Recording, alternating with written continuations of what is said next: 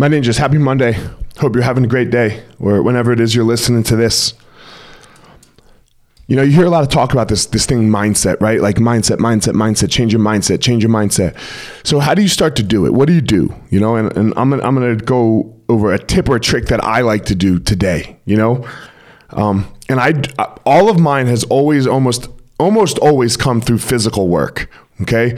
Like the the being able to do it physically for me has has really uh, allowed me to take the that uh, that little small success in the physical sense and take it to other places in my life, right? Take it to uh, business or wh- whatever else I'm doing.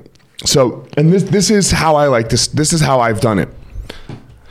I push myself very hard physically to the point where I can't go anymore. I'm like, this is it. You know, this is it. And then I go 20 seconds more. Just 20. Just 20 seconds more, Elliot. Like, that's all you have to do. And then I do it again. And then the next time I'm doing something physical, okay, tw- 20 seconds more. And I, and I stick at 20 for a week. And then I'm like, okay, here we go because i know what my threshold is right? You know where you know where you're going to break and say you can't and you push 20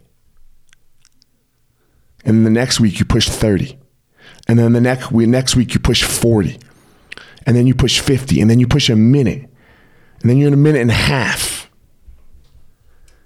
And the next thing you know you just have the mindset to keep pushing that, that the outside circumstance and your feelings don't really fucking matter that much.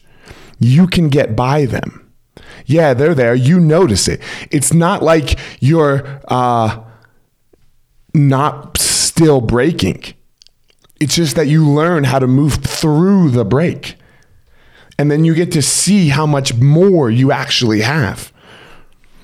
And then it, it becomes less of a push then it's like, nah, I know this will end. I know this will run out. I can do more. And for me, I guess uh, the thing with the physical part is one of the things that I like to tell myself is, all right, well, if this doesn't work out, I'll just die. And then I won't know. And then it won't matter. I know that's a little morbid, but fuck it. So push push 10 seconds more, push 20 seconds more, 30 seconds more. Watch what fucking happens. Watch the callus in your brain that builds that you can then go take to all these other areas and aspects of your life. Discover your passion, find your power, go give your purpose to the world, my ninja.